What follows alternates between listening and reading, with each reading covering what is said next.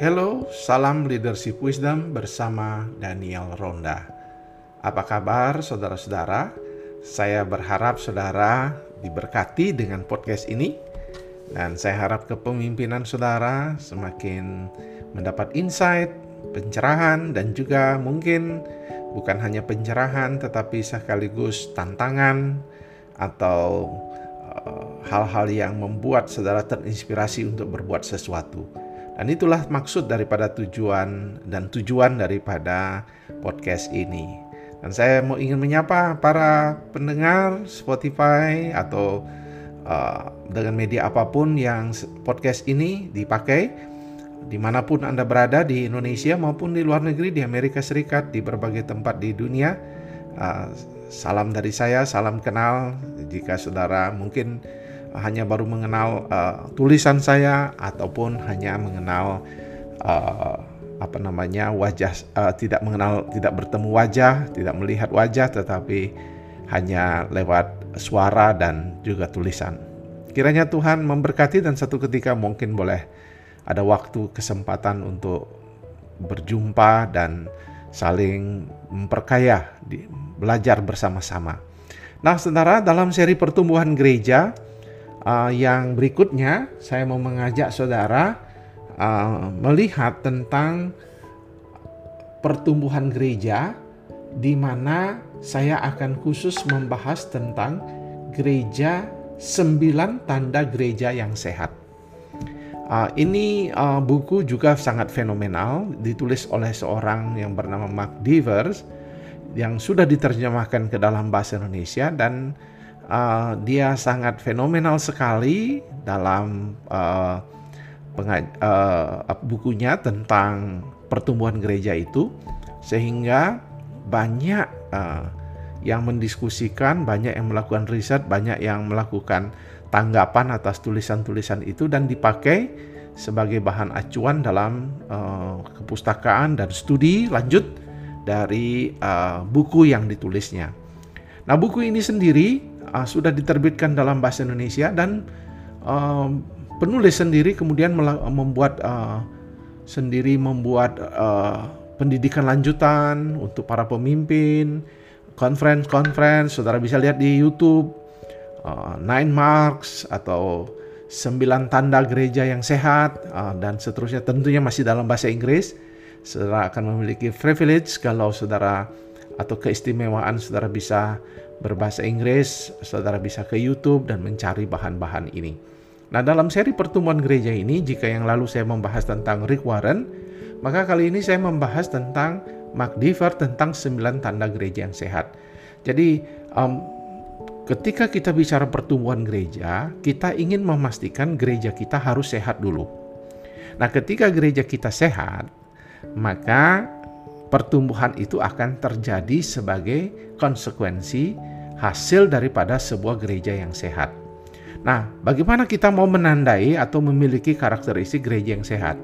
Dan ini yang dilakukan penelitian oleh Mark Dever yang merupakan uh, seorang hamba Tuhan yang meneliti tentang uh, gereja sehat itu.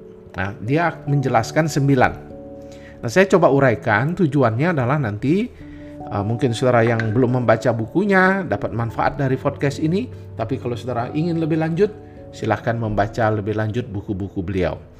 Uh, nah, yang pertama tanda gereja yang sehat menurut uh, Mark Dever adalah expositional reading, uh, preaching, artinya khotbah yang eksposisi. Nah, ini sama dengan pandangan gereja reform umumnya yang mengatakan bahwa gereja yang adalah gereja yang disebut gereja yang benar adalah gereja yang mengabarkan khotbah-khotbah dari Alkitab. Jadi uh, menurut uh, Mark Devers, gereja yang sehat itu ketika khotbah-khotbahnya itu adalah keluar dari firman Allah itu sendiri. Bukan memasukkan ide ke dalam firman Tuhan, tetapi firman Tuhan itu sendiri yang keluar membawa uh, maknanya dan kita bertanggung jawab untuk membuat uh, berita yang abadi ini, berita yang kekal ini relevan dalam kehidupan gereja di mana pun saudara sedang menanam gereja atau menggembalakan. Jadi penting sekali khotbah kita adalah khotbah yang eksposisi, yang khotbah yang mengambil kebenaran itu dari Alkitab. Yang kedua, menurut uh, Mark Dever adalah pentingnya memiliki teologi yang alkitabiah. Jadi kita gereja yang disebut gereja yang sehat, uh, gereja yang di mana teologinya itu teologi yang solid, bukan pengajaran yang sembarangan, tetapi di samping khotbahnya dari eksposisi Alkitab, dia juga memiliki uh, kekuatan pandangan teologi yang solid. Nah, sekarang di Indonesia lagi ramai pembahasan tentang Allah Tritunggal. Dan syukur masalah itu sudah mulai reda dan diselesaikan karena memang gereja perlu memiliki apa yang disebut sound theology, teologi yang solid. Ya, itu itu sebabnya seorang gembala sidang harus memiliki uh, kemampuan teologi, belajar teologi karena hmm, banyak uh, hal-hal uh, etis membutuhkan jawaban. Misalnya kalau ada orang yang melakukan tindakan A, tindakan B, contoh praktisnya minggu ini saya ditanya tentang bagaimana kalau ada orang bunuh diri Nah, itu membutuhkan jawaban teologi yang solid, nah, bukan hanya uh, suatu penghiburan, tetapi bangunan teologi yang solid. Nah, ini tanda gereja yang sehat kedua. Yang ketiga adalah gereja yang sehat itu adalah gereja yang memiliki pengertian Alkitabiah tentang kabar baik. Jadi penting sekali ten, apa uh, pemahaman tentang Injil yang sesungguhnya dan sepenuhnya. Karena kita ketika kita bicara gereja, gereja yang tidak boleh uh, melepaskan diri dari makna Injil itu. Ya. Jelas Injil berbicara tentang kita berdosa, melawan Tuhan, pencipta, tetapi Yesus datang mengambil alih kutuk, mengampuni kita, dan kita kemudian diselamatkan oleh karena iman kepada Kristus Yesus dan kemudian kita dibenarkan dan saat ini sedang dituntun oleh Roh Kudus masuk ke dalam nantinya kekekalan dan menerima penghukuman bagi mereka yang tidak percaya. Jadi ini jelas good news ini, kabar baik ini harus juga solid di dalam gereja. Sebab kalau tidak, maka gereja kita tidak bisa dibilang gereja yang sehat. Jadi harus paham tentang Injil, kabar baik itu harus solid sekali. Pemahaman gereja, pemahaman pemimpin, para majelis dan seterusnya. Yang keempat adalah uh, gereja yang sehat itu gereja yang memiliki pemahaman yang juga solid dari Alkitab tentang pertobatan. Nah, ini yang sering kali tidak dipahami oleh gereja tentang pertobatan. Bagaimana orang bertobat bukan hanya pertobatan yang uh, waktu dia percaya kepada Kristus dari kematian kepada kehidupan, tetapi bagaimana kemudian pertobatan itu juga berbicara tentang bagaimana kehidupan sehari-hari kita semakin hari semakin bertumbuh serupa dengan Kristus. Pertobatan ini penting teologi pertobatan karena banyak orang ketika bicara tentang menerima Yesus, dia sudah masuk kepada kesempurnaan.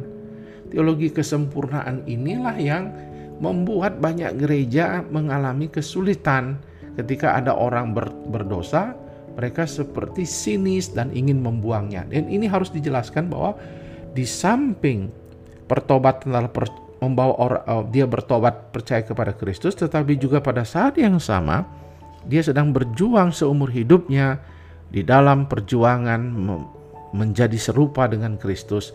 Dan kita menerima kadang-kadang dia jatuh ke dalam dosa, kita menerima, menuntun, mengembalakan, membawa dia kepada pertobatan. Jadi ini adalah proses seumur hidup seseorang.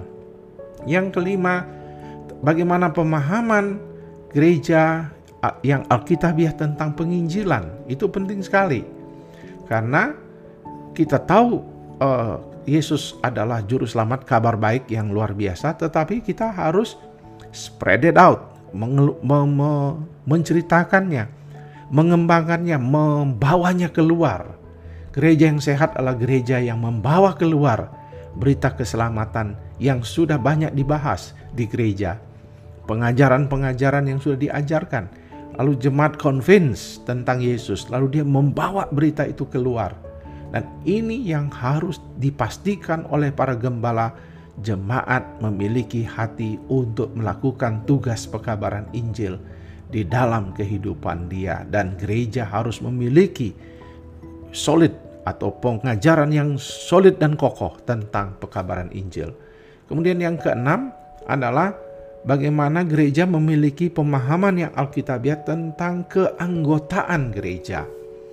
Apa tanggung jawabnya? Apa yang mereka harus lakukan sebagai jemaat. Ya, bukan hanya kehadiran tetapi mereka uh, dalam kebaktian, tetapi bagaimana mereka ikut dalam mendukung dalam doa, terlibat dalam pelayanan, terlibat dalam pemberian kepada Tuhan. Dan ini harus ditata dengan baik tentang keanggotaan, bukan hanya soal pencatatan, bukan hanya soal administrasi, tetapi mereka diharapkan berakar. Berakar jangan menjadi se seperti banyak gereja kota hanya jadi pengunjung. Nah, ini yang harus diingat. Jangan hanya dia datang, kunjungi lalu pulang. Jangan datang, kunjungi lalu dia hanya sekedar menikmati mungkin worshipnya, menikmati khotbahnya, tetapi dia tidak berkomitmen menjadi anggota yang dewasa bertumbuh tertanam di gereja itu.